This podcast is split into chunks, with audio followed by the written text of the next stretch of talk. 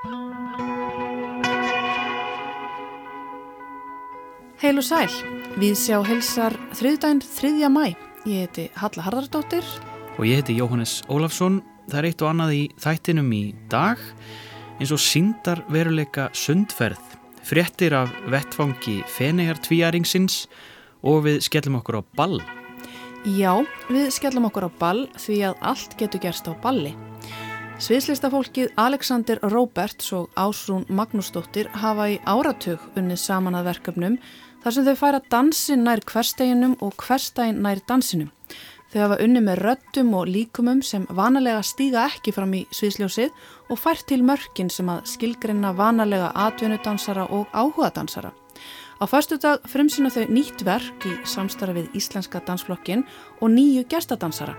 Verki kallast Ball og þar stíga á svið Íslandsmeistar í breykdansi frá nýjönda áratöknum, ballerín og eftirlaunum, dansarar úr flokknum og gógodansari, svo eitthvað sem nefnt, en öll eða þau sammeilagt að elska dansin. Við kíkjum á Ball í þætti dagsins. Já og sundlaugar koma líka mikið við sögu. Þegar við stingum okkur á kaf, ferðumst við inn í aðra vitt Skinnjun okkar breytist og við lokum okkur frá umheiminum. Í sundi upplifa kannski einhverjir sig berskjaldaða, í kafi er við súrefnislaus og á bakkanum klæða lítill. Í dag, 3. mæ, opnar í Hannunasafni Íslands í Garðabænum síndar veruleika verk eftir Hrund Alladóttur. Verkið er hluti af Hannunamars og er gert í tengslum við aðra síningu sem heitir Sund og stendur yfir í safninu.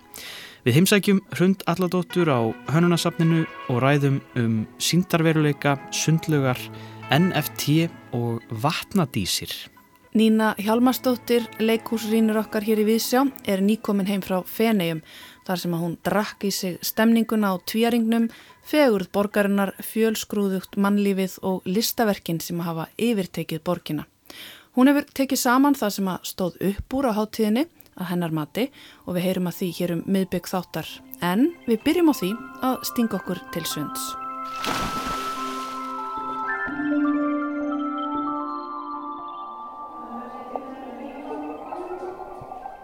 Herðu, þetta virkar. Já, þú ert að fá sættir? Já, já. Ég sest bara hér í stólinn. Það er svona bubluplast á stólinn. Já, þú skil það eftir. Já, ok. Ég set þetta á mig. Já, spilast. Já. Hérna síðan fjösturingin og þú vilti bara Já, hérna.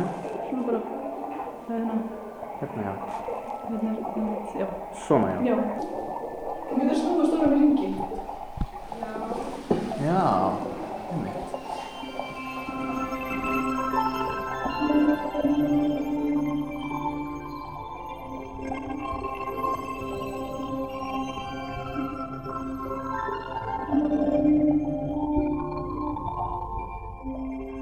Dag, uh, 3. mæ, opnar í Hönnunarsafni Íslands í Garðabænum síndarveruleika verk eftir Hrund Alladóttur.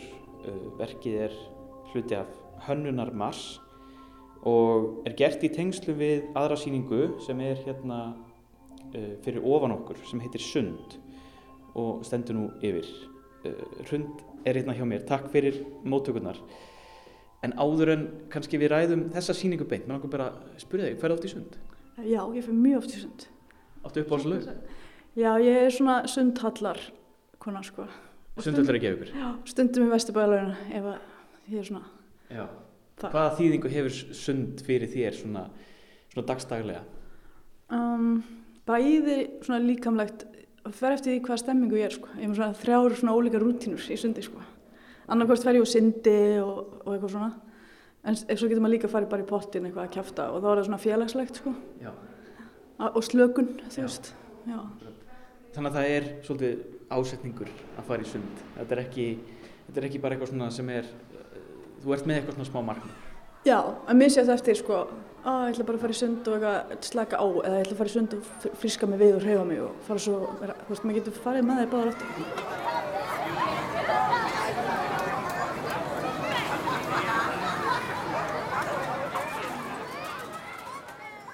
Og er þessi síning uh, sprottin einhvern veginn upp úr því eða hvernig, hvernig verður þetta til? Lýs, lýstu þess þessari síningu?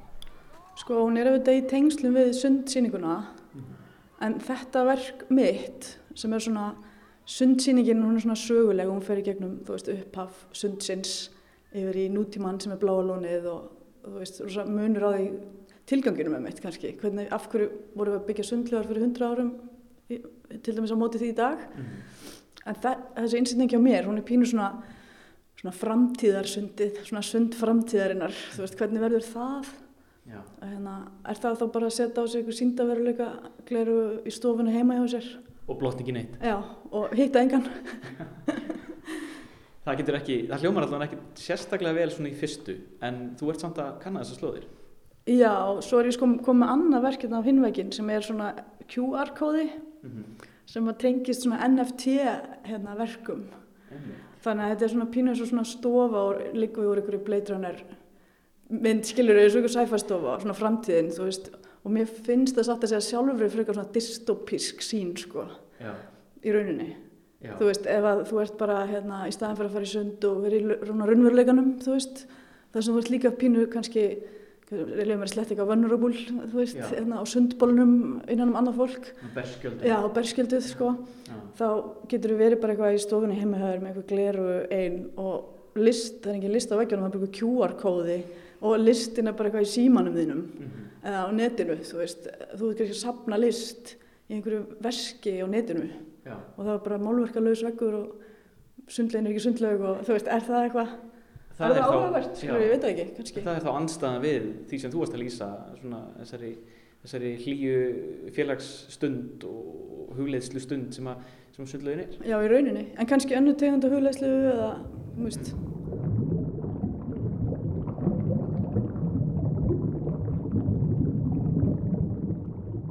Við löpum upp hérna tröppunar upp á pallin og hér eru upplýsingar á vegnum um, um sýninguna. Uh, og hvað tekur við? Það er þessi QR-kóði sem tekur við okkur. Og hvað svo? Já, og svo er ég, herri já, einmitt, sko, svo göngum við hérna inn og þá er bara einn stóll í rýmunu og einn lampi. Og lampin er eftir íslenskan hönnuð, gamall en samt eitthvað svona hálf framtíðalegur þú veist, ég setti þetta græna peru í hann, þannig að hann er ennþá meira hérna, og svo er stóllin sem er hérna núna, það er nú áhugavert með það, er að hann er vafinn inn í bubluplast sem getur auðvitað bæði verið bublunar í, í hérna, vatninu en líka af því að hann er að ferðast stóllin Mm. Það er sko stóll á leiðinni frá bandaríkjurum sem að mun vera í þessu verki og hann Já. kemur vonandi bara morgun eða hinn kannski dag. Já, þannig að þetta er svona margrætt svolítið, hann sé Já, í þessu hann er þessu bubbluplasti, já, hann er svona, já, það er líka í sama lit og rýmið og svona, en, en hann er, þetta er þetta hönnunasafnið og Íslands og mér langaði að vera með snúningsstól og hérna, og ég, þú veist, þessi stól er bara snúningsstól en hann er einhver sænsk hönnun og veist, þannig að við skulum bara fela hann í, og endur hann hann, þú veist, en stólinn sem er á leiðinni er, það vil svo til að bróði minn er hönnuður og hann er Hlinur Allarsson, býr í New York og hann hefur gert snúningsstól sem að er búin að vera á fórsýðum og fullt af blöðum og orðin svolítið frægur stóll. Og á gaman að hönnunasafni langaði að eiga hann í síni safneign þannig að við ákveðum að hönnunasafni myndi panta hann og eiga hann síðan veist eftir þetta verk. Þannig að þetta er orðið svona samstarfs hérna, innsetning með hönnunastólnum frá bróðum mínum. Og hérna og svo VR snúningnum og verkinu, þú veist VR verkinu mínu. Þannig að það er bara tilviljun Já. En hugmyndin um að hafa hann í svona bláu bubluplasti er, er hún ekki nógu góð eða þú veist, er þið nýja stóllinn þá væntalega líka vafin í bubluplast? Nei, Nei. hann fara að láta ljósitt skína.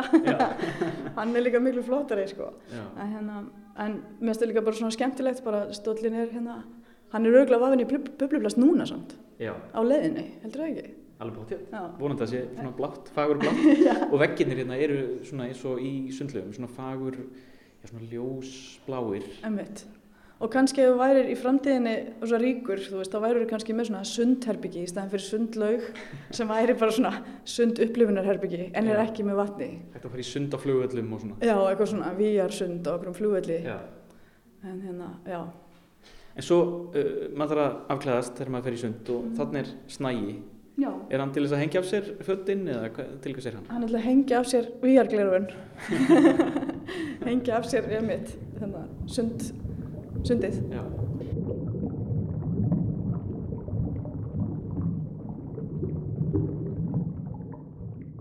En sko, Íslendingar og sundlugar, þetta er, já, rótgróin hluti af okkar sjálfsmynd og bara eldgós og hverir, en það ekki?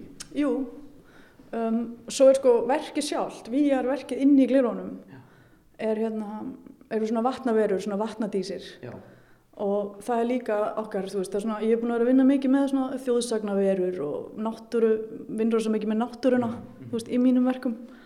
Og hérna, og þessar, það stendur í síningatekstanum, en þú veist, með þessar áhugavert líka að í evróskri hefð þá eru vatnadísir, það er okkar þjóðsagnaverur, það er tilhýr allar náttúrunni, en í Evrópu, samkvæmt sögunni, þá geta vatnadísir búið bara í brunnum og, og einhverjum svona manngerðu umhverfi inn í borgum. Mm. Þú veist, það geta búið ám og vötnum og, en líka bara brunnum eða, þú veist, ég veit ekki, hvað vaskinum heima hefur þannig meðan það er líka áhugavert, það eru líka svona nútímalegar þessar vatnadísir sem eru að syndu um inn í verkinu Já.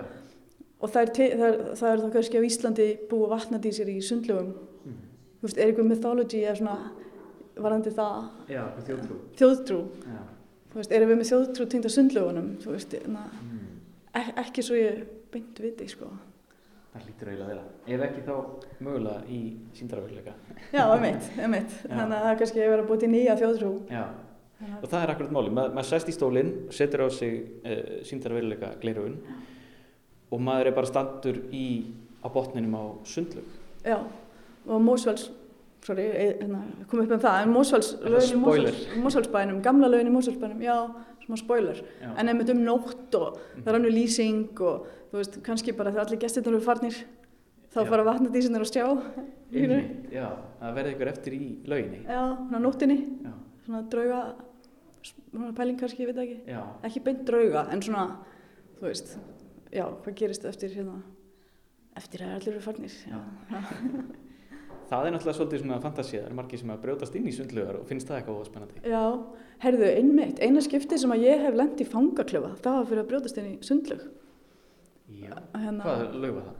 Við vorum sko rosalega mörg saman, við vorum á Seltjarnanessi Mhm. uh, í Gaggó og við vorum alveg 20 eða eitthvað. Og þá hérna kom lauruglan og sá okkur stiga upp á þækið og við höfum búin að taka stigan af velliheimilinu og bara öll komin í sund, skilur. Já. Og hérna, já, og tók bara, hann tók bara 20 krakka eða eitthvað. Vorum öll eitthvað blöyt í einhverjum sund, í einhverjum fangaklefa, hérna lauruglastöðin í Reykjavík, fórum eitthvað til Reykjavík, sko. Já. Fóldrarnir þurfti að koma og sækja alla og þetta var alveg rosalega drama. Stóri glæpurinn að stelast í sund, sko. Var það ekki þessu verið? Jú, það var alveg svolítið. Er svo reynslega einhvern veginn hér?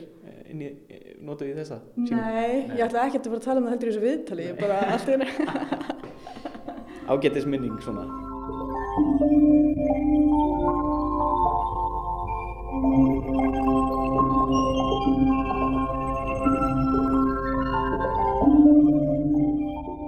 talaður um þessa svona berskjöldun í sundi að við erum, við getum ekki lifað í vatni og, og við erum svolítið svona nakinn og blöyt svona á bakkanum og, og hérna á Íslandi oft í skítakvölda og roki. En þetta er líka svona ákveðin berskjöldun gagvart öðrum svona félagslega við erum svolítið svona að baða okkur í almenningsrýminu. Hvaða þýðingu heldur þetta hafi fyrir svona íslenskt eh, bara svona samfélagið, bara svona okkar tengsl? Já, einmitt, ég, ég held að það sé svona margþætt, sko, en mér finnst til dæmis áhugavert hvernig Íslendingar geta að tala saman í heitapottinum um ótrúlistu hluti og pólitík og eitthvað svona sem ég held að hafi líka að gera með það, sko, að þú hittir ókunna mannesku í heitapottinum. Þú veist ekkert hvort hún er skinka eða eitthvað svona, eða skilur rík eða fátæk eða þú veist að, hérna, þú veist, það er svolítið erfitt að dæma einhvern á Já. sundskilunni. Þannig að þú veist ekki alveg, en svo kannski sér, hérna, hittur einhvern, þú veist, í golffötum á jeppa, þú veist, það kannski, gerir, eða, eða lópapeysu með latte í hendinni, skilur við, svona gerur kannski einhverja, hérna, Þú hefur fleiri vísbendingar um vísbendingar um hans einhverja skoðanir, Já, en það er svona, ég held að það sé kannski eitthvað svona opnara, veist, sérstaklega sko, maður er til að tala um ókunnult fólk stundum, hérna, í sundi, já. sem maður gerir kannski ekki endilega, Íslendingar ger ekki mikið kannski á kaffehúsi eða, Mm. eða svona almennt, eða það, Við erum kannski eitthvað tilbúinari til að opna okkur í sundlögunum já, það er svona ta allt talað, eða ekki? Jú. Já, það er mitt. Við getum lesið í þá hárgreðslur og tattoo. Já, nákvæmlega. Hárgræstir og tattu. Og svo kannski áttu vin í sundi, svo tala alltaf í sundi, en þekkir hann ekki þú hittir hann út í bæ. Akkurát. Sundlega, sundlega vinn. Já. Já, einmitt. Uh, en þessi síning, um, hún er að opna í dag. Hva, hvað stendur hún lengi? Herði, hún stendur alveg fram í september, alveg í fjóra mánuði, bara jafn lengi og sundsýningin sjálf. Þannig að það verður nógu tími til að koma og, og hérna, skoða. Og svo einmitt þess að ég segi, svo er þetta þessi NFT, ég bjóti GIF úr vídjóinu sem er inn í glerónum. Þannig að líka þetta að skoða það á netinu, hérna, sem er þessi NFT Já. Sem er nú annar heimur sem er bara alveg líka einhver framtíðar heimur sem ég skil eða ekkert í sko. Nei, er ég búin held að að gerir það. Nei, ég er búin að vera eitthvað að reyna að setja í hann, ég er bara, vá sko, mér líður eins og hérna, einhver ömmu bara, veist, ég skil ekki neitt. Ég glemdi einmitt að spyrja þið út í hérna sem sagt, það er eitthvað á bakveðan. Já, það er sagt svona giffar úr verkinu Já. sem er að kaupa á netinu með Ethereum, Sem er gjaldmiðl. já, sem Já. er rafmynd og ég er ekki ennþá búin að alveg gera mig grein fyrir hvað þú þarft að eiga, ég held að þú þurfi bara að eiga rafmynd til að kaupa þá, ég veit, þú veist, Mm. já, hérna, en það er ekkert flókið, það er mjög einfalt. Þú átt rafmynd. En hérna, já sem er bara líka áhugaverður heimur og því, þú veist, ég hef alltaf verið að gera digital list, það er stafræna list. Og hérna, og það hefur aldrei verið möguleiki á, þú veist, ég hef alltaf bara verið að gefa stafræna list, við, mestum megnis og svona, mér fannst það eiginlega hálf fáralegt bara nú sé það komið að sé hægt að það er þessi bylting í stafræni list, skilur og þú getur alltaf inn að fara að selja eitthvað gif og vídeo og netinu og animation og eitthvað sem er svona mikið minn heimur, sko þannig ég var bara, ok, ég verða að skoða þetta, sko Já. og hérna, en þetta er ógeðslega skrítin heimur, þessi Já. hérna, NFT veröld og enn önnur vittin, skilur, þetta eru bara svona eitthvað vita, hérna, vitadæmi, þú veist, þú ferði inn í þessi VR-kleiru og þú ert komin al, alveg aðra vitt Mm. Það er það, djúpalegin. þú er komin í djúbulega og svo tekur það af þér og þá veistu ekki hvað þú ert, sko en, en fannst þér ekki, Jú. upplifur það ekki Jú, svolítið? algjörlega. Já, Maður, maður sekkur alveg inn í heiminn. já, Það er öll skinnfæri einhvern veginn já. alveg lituð. eins og í sundi líka Já, og þú ert líka svolítið svona hérna, óvarinn eða svona berskjaldar Já. með Já. af því þú ert eins og sért sofandi jafnvel þú veist ekki ef einhver að ráðast á þig þú myndir ekkert sjá það Já, í skilja í svona uh, þinni einangrun. Já. já. já, En uh, við hvetjum fólk sama hvaða afstöðu það hefur til sundlöga og uh, hvort það fer í sund yfir höfuð uh, að kíkja á þessa síningu og upplifa sundlögar í svolítið öðrum annari vít. Sund alladóttir, takk fyrir spjallið og gangið vel í dag með opnuna. Takk leiðist, takk fyrir að bjóða mér í spjall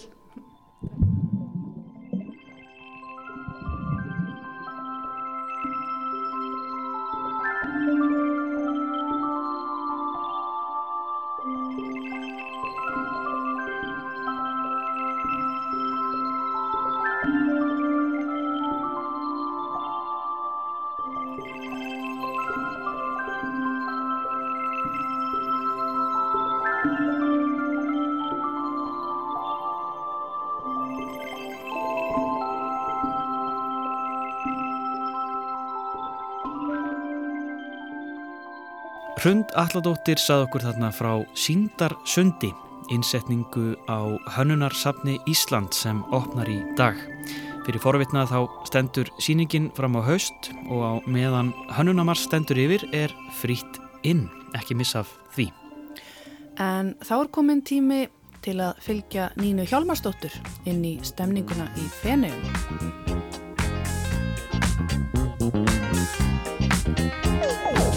Beccata in discoteca con lo sguardo da serpente. Io mi sono avvicinato, lei già non capiva niente. L'ho guardata, ma guardato e mi sono scatenato. Fred Astaire al mio confronto era statico e imbranato. Le ho sparato un bacio in bocca, uno di quelli che schiocca. Sulla pista diavolata, lì per lì l'ho strappazzata, l'ho lanciata, riafferrata, senza fiato l'ho lasciata, tra le braccia mi è cascata, era cotta innamorata, per i fianchi l'ho bloccata e ne ho fatto marmellata. Yeah, si dice così, no? La Biennale di Venezia, Feneyja tvíaringurinn, for opnunin. Á þessum þremur dögum fyllist Feneiaborg af rjóma hinn að mikilvægu innan myndlistarheimsins á alþjóðavísu. Hvert sem er litið, inn í næfur þunnstrætin, í gondolum eða meðfram kanalum er örtröð af fallegu fólki í flottustu tískunni að drekka Aperol Spritz með einni grætni ólífu og guffa í sig gyrnilegum brúsjettum. Meðfram Canalazzo eða stóra kanalnum eru glæsilegar snekkjur þar sem eina prósentið lætur sig auðvitað ekki vanta á þennan viðburð. Þó mun færri snekkjur núna en síðast þegar tvíringurinn var haldinn árið 2019. Ég er hérna á samt kærustunni minni og vinaflokki ungra listamanna frá Reykjavík.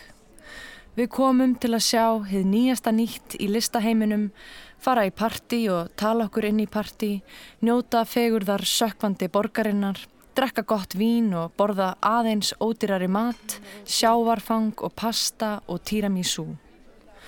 Öll sem eru einhver eru mætt á foropnun ólimpíuleika myndlistar en við spottuðum góðsagnir eins og Chance the Rapper, Mickey Blanco og Tildu Svindon. En ekkert toppaði samt þegar ég árið 2019 sá listakonuna Orlan, sem ég er mjög hrifin af, spóka sig á hátíðarsvæðinu með fallegu hornin sín glóandi í sólinni. Fenegar er borg sem fæðir eigin tortimingu með massa túrisma. Síðan 1895 hefur Fenea tvíringurinn haldið stöðu sinni sem heimsins virtasta og þekktasta listasýning, eins konar heimssýning og pílagrímsför fyrir listheiminn. Auk aðalsýningarinnar á Giardini og Arsenali svæðinu sem síndi verk 213 listamanna tóku þátt í ár 80 lönd sem hvert hefur sinn skála. Tvíæringurinn er tækifæri fyrir þjóðir heimsins að koma saman, deila list og móta stefnu fagsins. En það sem hann gerir líka er að staðfesta ímynduð landamæri með þessu móteli þjóðarskálana sem elur á sundrungu og samkeppni. Er maður gengur inn getur maður séð heiminn í smættaðri útgafu. Þar sem valdamestu og mikilvægustu þjóðurnar hafa sína glæsilegu skála í miðju hátíðarsvæðinu á meðan það getur verið þvílík kraftganga að finna aðra skála falda einhver staðar í borginni. Þetta er kannski aðeins of einföld lýsing hjá mér. Pólski skálin, brasilíski skálin og ganverski skálin eru líka á hátíðasvæðinu. Í ár er hinn tómi rúsnenski skáli með bísna óþægilega bömmur viðveru á viðbyrði hinn að fallegu og ríku. Árið 2019 þá var það venezuelski skálinn sem afhjúpaði hinn mikla kostnað og þá ósjálfbærni sem fylgir því að taka þátt í tvíeringnum. Sannleikur kapitalismans rammar inn nútíma myndlist. Tvíeringurinn er drauma viðkomu staður listamanna í alþjóðasenunni, pop-up klúpur fyrir pínlega töffara, leikvöllur fyrir miljardamæringa og góðgerðafólk og nöytnaseggi og smekksfólk tækifæri fyrir þjóðir að flíka hæfileika fólki sínu og hákvæm skilir þið fyrir tilgerðarlegar innræður. Þversögnin er augljós, list sem tæki til að kollvarpa ráðandi struktúr í heimi sem vil sínast sem leiðandi afl, siðferði og sjálfbærni en sogar að sér valdamun, peninga og efri stjætta saminskupið. Þetta er 50. og 9. tvíaringurinn en hann átti að vera fyrir ári síðan en var frestað af ástæðum sem allir þekkja.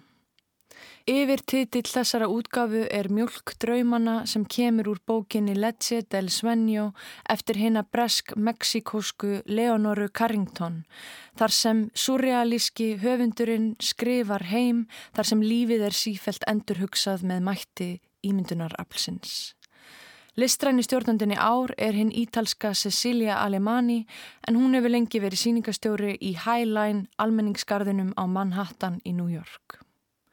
Alemani tók þá ákverðun fyrir þessa útgáfu að miðjusetja konur og kynsegin fólk á tveimur aðalsýningunum en þau eru um 90% listamannana En meiri hluti þeirra er líka litað fólk og margir eiga uppruna sinna reykja utan vesturlandana, þá sérstaklega mið og söður Ameríku.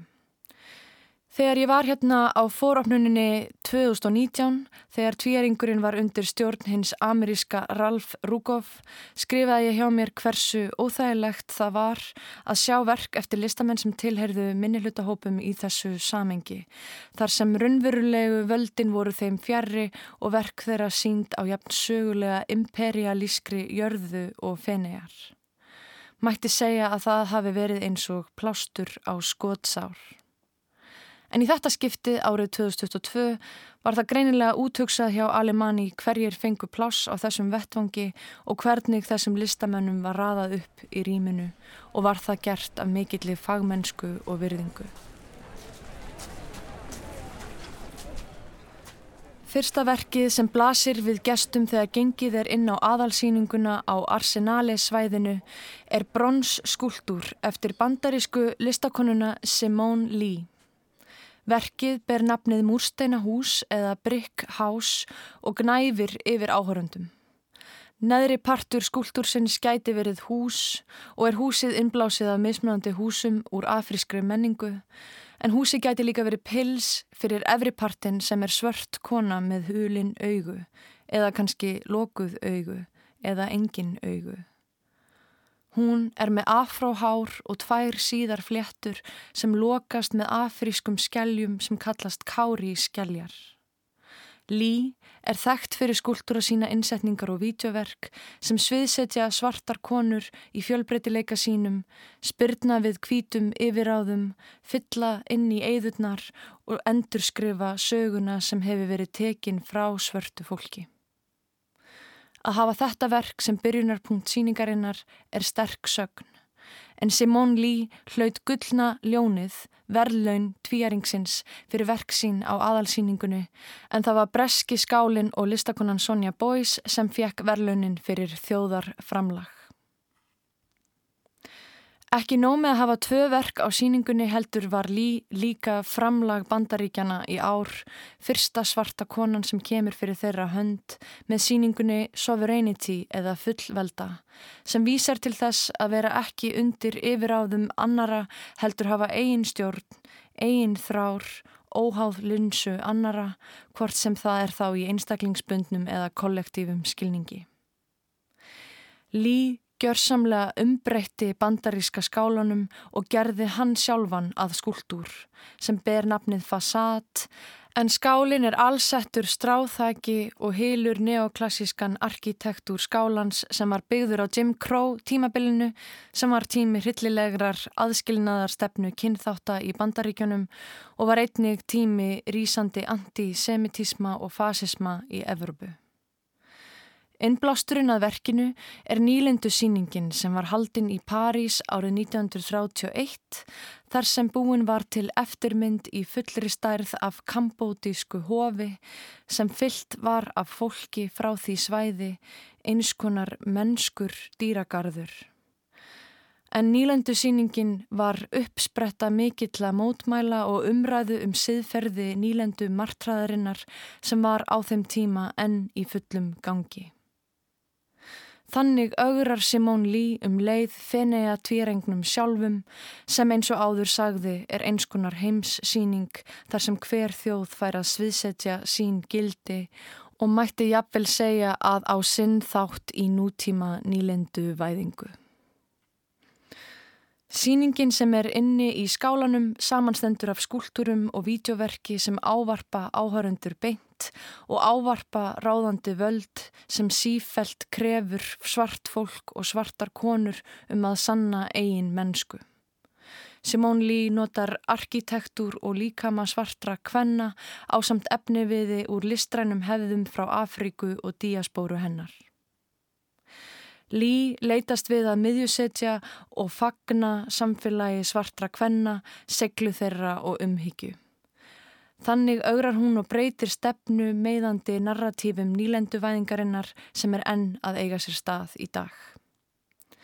Í vídeoverkinu í skálanum sjáum við hvernig Lí og aðstórfólk hennar býr til skúltur af konu með hendur á vanga og í strápilsi sem þau horfa síðan á meðan hann brennur til kaldra kóla. Í yfirlýsingu sinni segir Lý að til þess að segja sannleikan þá verður að búa til það sem gæti verið horfið úr arkífinu, til að brjóta niður tíman, til að snerta við því stóra, til að hreyfa við einhverju sem afhjúpar eitthvað sannara en því sem hefur verið tekið sem staðrendum. Hún minnir á það að sagan var skrifuð af fámennum hópi sem skrifaði hana eftir eigin hendugleika til að þjóna þeim ráðandi sem er oft alveg að mikill skálskapur og hvað annað og að eina leiðin til einhvers konar kennsla, einhvers konar réttlætis er að nota það sem kallast kritísk sagnahefð sem grefur upp söguna með mátti ímyndunarapsins með því að reyna að fylla í eðurnar, með því að stækka það ósagða og gefa þeim þögguðu rött. Það sem Lý gerir með verkum sínum er að hún snýr við sögunni og leifir sáranum að öskra. Og þrátt fyrir að vera í þessu hlaðna samhengi sem tvíaringurinn er, þá sínir Lí að list er ennþá máttugasta tækið til að gefa þeim pláss sem enn eru ógn við valdið. Í leit að einhvers konar uppgjöri, einhvers konar umbreytingu og einhvers konar ást. Það má segja að bandaríski skálin og verk Simón Lí hafi haft varanleg áhrif á þennan listrýni og eitti ég miklum tíma í að stara á verkin og finna fyrir áhrifum þess. Verki sjálft fór að eiga sér stað í performansinum við að horfa á viðbröð annara áhörenda en margir fóru hratt í gegn án þess að reyna að skilja, sumum leið augljóslega ítla, aðrir störðu á eina svarta fólki í rýminu eins og það væri hluti af upplifinunni eins og þau væru listaverk til að neyta. Fyrir utan skálan heyrði ég einhver að tala um að hún hefði öruglega bara fengið þetta gig í kjölfarið af Black Lives Matter hreyfingunni árið 2020 en Lee var tilkynnt sem framlag bandaríkjana áður en það átti sér stað og hefur verið bákn í listasennunni í áratugi. En svona samtöl staðfesta bara gildið sem svona verk hefur, verk sem er nöðsynlegt að taka inn og ekki horfa framhjá. Í næsta písli held ég áfram að tala um verk á fenniatvíringnum sem hreyfðu við mér og mér þykir eiga erindi til sem flestra eins og skandinaviski skálinn sem var gefinn til þryggja sáma listamanna í ár og varð að sáma skálanum. Og svo ætli ég að segja frá verki eftir listakonuna Yuki Kihara frá Samoa eiginu í Pólinésiu sem var framlag Nýja Sjálands í ár þar sem hún endur heimtir og augrar málverkum eftir hinn fræga franska listmálara Paul Gauguin. En nú hveð ég í byli með aðeins meira af næs í talodisko, smá sem hæfir ljúfa lífinu í listaheiminum, þanga til næst veriði sæl.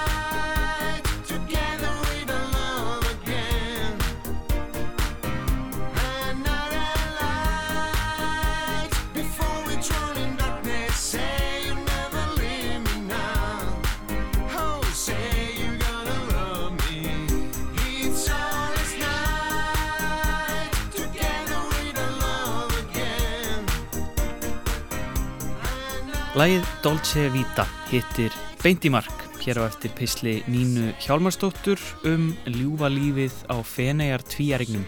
Lag frá ítalanum Ryan Paris sem fór á metsölu lista um Víðaveröld árið 1983. Og nú tekum við ekki síðri tónlist fullt af slögurum sem að fæstir geta sleppt því að dilla sér við. Og það eru lögur síningunni Ball sem að sviðslistafólkið Alexander Roberts og Ásrún Magnúsdóttir frumsýna núna fyrstu dag í samstarfi við Íslenska dansflokkin og allskynns ólíka gestadansara. Kíkjum á ball og ræðum við þau Alexander og Ásrúnu um verkið.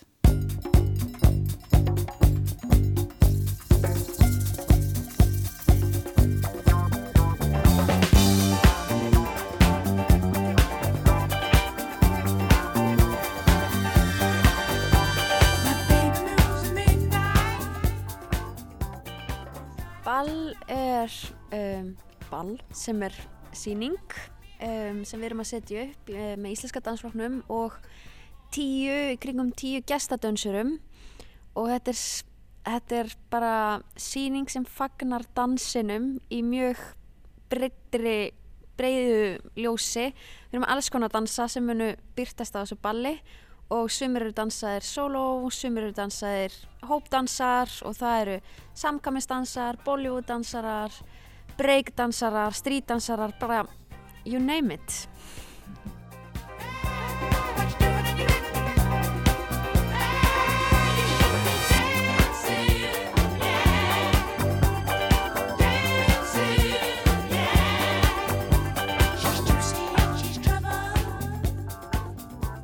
Eins og Ásrún segir þá koma alls konar dansarar að síningunni.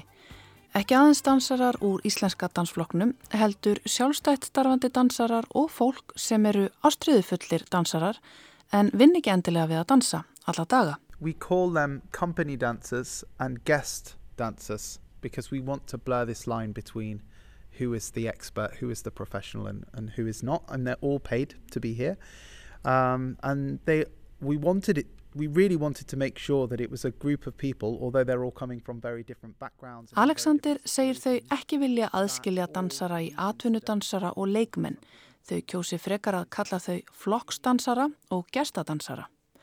Og hann tekur fram að allir fái dansararnir greitt fyrir vinnu sína, sama hvaða bakgrunn þeir hafi.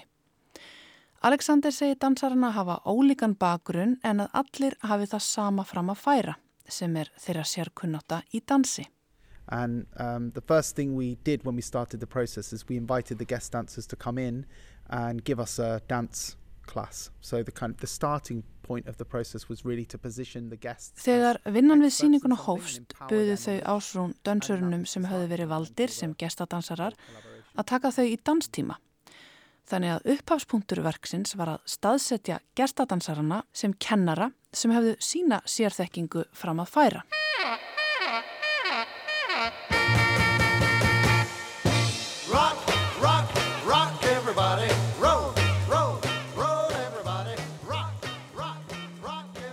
Allir, allt þetta fólk sem dansar í síningunni eru dansarar, professional. Sum eru kannski komin á eftirlaun eða bara eru einhvern veginn öðruvísi dansarar heldur en dansarar dansflokksins og vinna kannski og vinna við eitthvað annað líka, ég segi venjulegt innan gæsalappa. Um, útgangspunkturinn var bara að okkur var búið að gera verk hérna fyrir Íslenska dansflokkin og við erum, okkur finnst gaman að vinna með fólki sem að er ekki oft á sviði og er kannski ekki oft, já, tekur ekki oft þátt í, í professional eða atvinnuleiksýningum. Og þá hugsaðum við hverjum gætum við bóðið með í þetta verk og hver, hverjum gætum við, hvernig gætum við blanda, hverjum gætum við blanda við þessa dansara Íslenska dansflokksins. Og þá hugsaðum við ættum bara að fá fleiri dansara úr ólíkum áttum. Og það var eiginlega útgangspunkturinn að, að bara finna fólk sem að elskar dans og að dansa og hefur tilenga lífsinu því að einhverju leiti.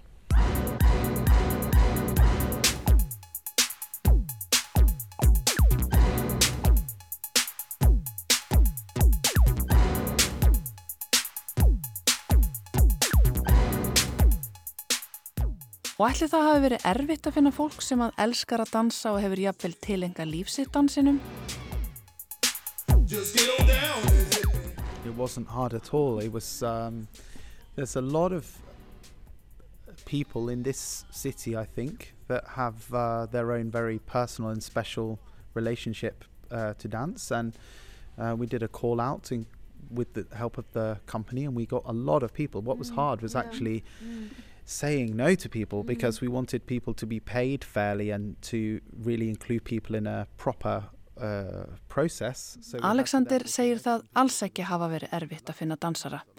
Því að það sé mjög mikið til að fólki í Reykjavík sem eigi persónlegu og ástriðufulli sambandi við dansin. Þau kölluðu eftir fólki til að taka þátt í verkefninu og viðbröðin fóru fram úr þeirra björtustu vonum. Það var í raun erfitt að vísa fólki frá. En það var nöðsynlegt því að þau vildi geta greitt öllum þáttakandum vel fyrir sín störf. En já, það var oft á tíðum erfitt að vísa fólki frá því mikið af hæfileikaríku fólki sótti um.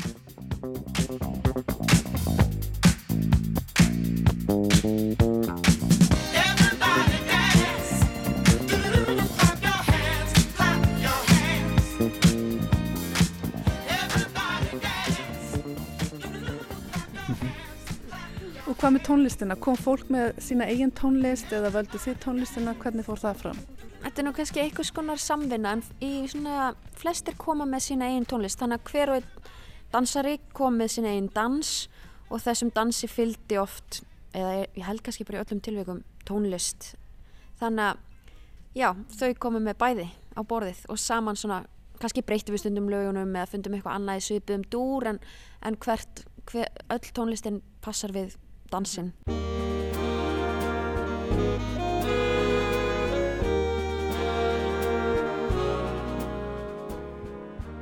En við erum að horfa á ball. Hver er svona hlutur uh, áhorfandans í þessu ferli eða þessari upplifun? Yeah, um, I think our idea about the ball is that it does start on the stage. So the first ball is with the group of people that the audience are invited to watch. Um, but there is this thing we're playing with in quite a soft way for the majority of the work with that slowly but surely the audience are creeped into this oh creep sounds a bit wrong um, invited into this uh, ball with us. So over time, that special relationship Okkar hugmynd um should come ball er svo að það hefjist á sviðinu og áhörfundum er bóðið að horfa. En við erum aðeins að leika okkur með þessa línu á milli dansara og áhörfenda. Við viljum að smám saman finnist áhörfandanum hann vera hluti af ballinu.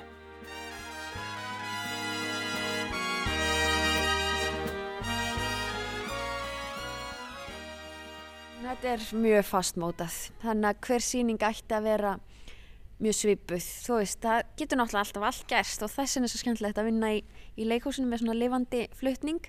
En nei, sín, það á að vera hægt að endurtaka síninguna meir og minna alveg, alveg, já, eins. Það eru auðvitað einhver spór og einhver svona, einhver svona meira freestyle dansar eða diskodansar sem auðvitað eru ekki eins. En, en það er alltaf sama tónlist sem er spiluð og, og sömu dansar munu byrtast fyrir ólíkar síningar. Veltu kannski daldi á áhörfundum frekar hvernig þetta... Velti svolítið á stemmingunni bara í salnum, hvernig hún verður. Það hljámat aldrei eins og svona mjög þakklátt verk eftir samkomiðbann. Já, við einmitt hugsaum það, það við hugsaum þetta er full, eiginlega fullkomi verk eftir samkomiðbann, af því þetta er anti-samkomiðbann. Uh, yeah, um, this is exactly what we. Well, no, I don't think that had anything to do with why we did the piece in the first place, but certainly after the piece has now been delayed several times as a result of this uh, coming together ban, or whatever you can call it, um, we can definitely feel the joy and the specialness of what it means to now have proximity with each other and share and literally breathe in the same space. Alexander tekur undir með ásrúnu að verkið komi á harréttum tíma nú eftir samkomiðbann en bæti svo við að það hafi þó ekki verið kveikjanaverkinu, þar að segja samkomibannið. Uppáðspunktur verksins hafi verið spurningin sem að þau spurði sig löngu áður en að COVID skall á og svo spurning hafi verið hvernig myndi íslenski dansflokkurinn líta út ef í honu væri pláss fyrir fjölbrettari hóp fólks með ólíkan bakgrunn í dansi. our starting point for the piece, the first thing we asked ourselves was, what would this company, this dance company, be like if there was space for more kinds of people uh, with uh, different kinds of dance interests? That was just the starting point. Like, what would you do for a com- what would you do with the Ice and Dance Company if the da- Iceland Dance Company included more people? And that was the starting point. Of course, what's happened Svo gerist það sem að enginn bjóst við. Allt í einu var okkur bannað að deila sama rýminu og það bætir nýju merkingarlagi ofan á það sem að lagt var að stað með í upphafi. Þetta er ekki fyrsta sinn sem að þið vinnir saman. Ég man eftir partí í breiðaltinu á listaháttíð, er það ekki? Var, já. Hvernig svona hóst ykkar samstarf? Já, uh, við, þar, við hefum svona kannski tíu ára starfsámali, jafnvel, gæti verið. Um, það hófst bara uh, þar, sem sagt fyrir tíu árum, þá byrjuðum við að vinna saman og við höfum bæði mjög mikið áhuga á þessu að, að, að hækka í röddum sem heyrist ekki oft í. Og þar líka svona sammeilur áhugi okkar og auk þess náttúrulega á dansi og koreografi og lifandi eh, list. Og við hefum gert mörg verk og verkefni saman an, bæ, bæði á sviði og einmitt í aspafelli eða í íbúðum hjá fólki við unnið mjög mikið með unglingum og ungu fólki já, þannig að þetta er bara svona einhvern veginn hefur rúlað áfram So you have this shared interest of giving space to bodies and voices that normally don't have the space. Yeah, w- I I think it's it's fairly. Um, I mean, you can politicize that idea. Um, the cities or the places we live in are going to be uh, much better places to live if we make space for all the different kinds of people that need. to live Almennt séð verða þeir staðir sem að við veljum að búa á alltaf betri því aðgengilegri sem þeir eru fyrir allar manneskjur og ef að allir hafa vettvang til að tjá sig, segir Alexander og svo hugmynd endur speglast í verkinu. En svo segir hann það kannski vera fyrst og fremst almenna forvitni sem að drægi þau ásónu áfram, þorstinn í að halda stöðugt áfram að lifa og læra, gera tilraunir sem að færa mann nær kjarnanum og samstagsverkefni finnst hún að vera tilvalin vettvangur til þess, sérstaklega með fólki sem er með annan bakgrunn en þú sjálfur. Þess vegna hefjast flest þeirra verkefni á því að leita upp í samstagsfólk sem getur opna með þeim nýjar dyr í sköpunarferlinu. uh, maybe actually the first thing that starts is some idea that we want to try, and then we think who could help us to do that idea, and we try to think very broadly about who that could be. Ásson, við hverju megu við búast hérna á fyrstæðin? Ég held að þið megi búast við bara mjög miklu stuði. Þetta er partysýning og það er, það eru mjög skrautlegir dansarar í þessari sýningu.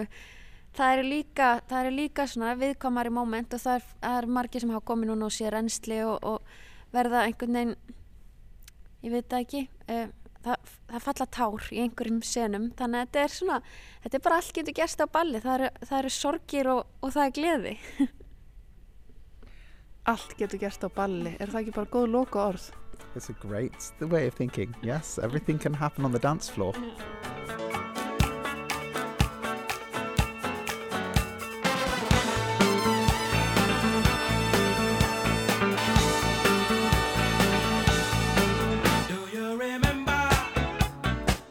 Lag frá 1978, September með ljómsveitinni Earth, Wind and Fire gerist varla meiri gleði og stuð en þetta og við endum þáttinn hér í dag á danskólinu Jói.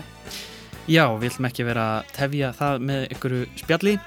Við sjá verður ekki lengri, við verðum hér aftur á sama tíma á morgun. Takk fyrir samfélgina og verið í sæl.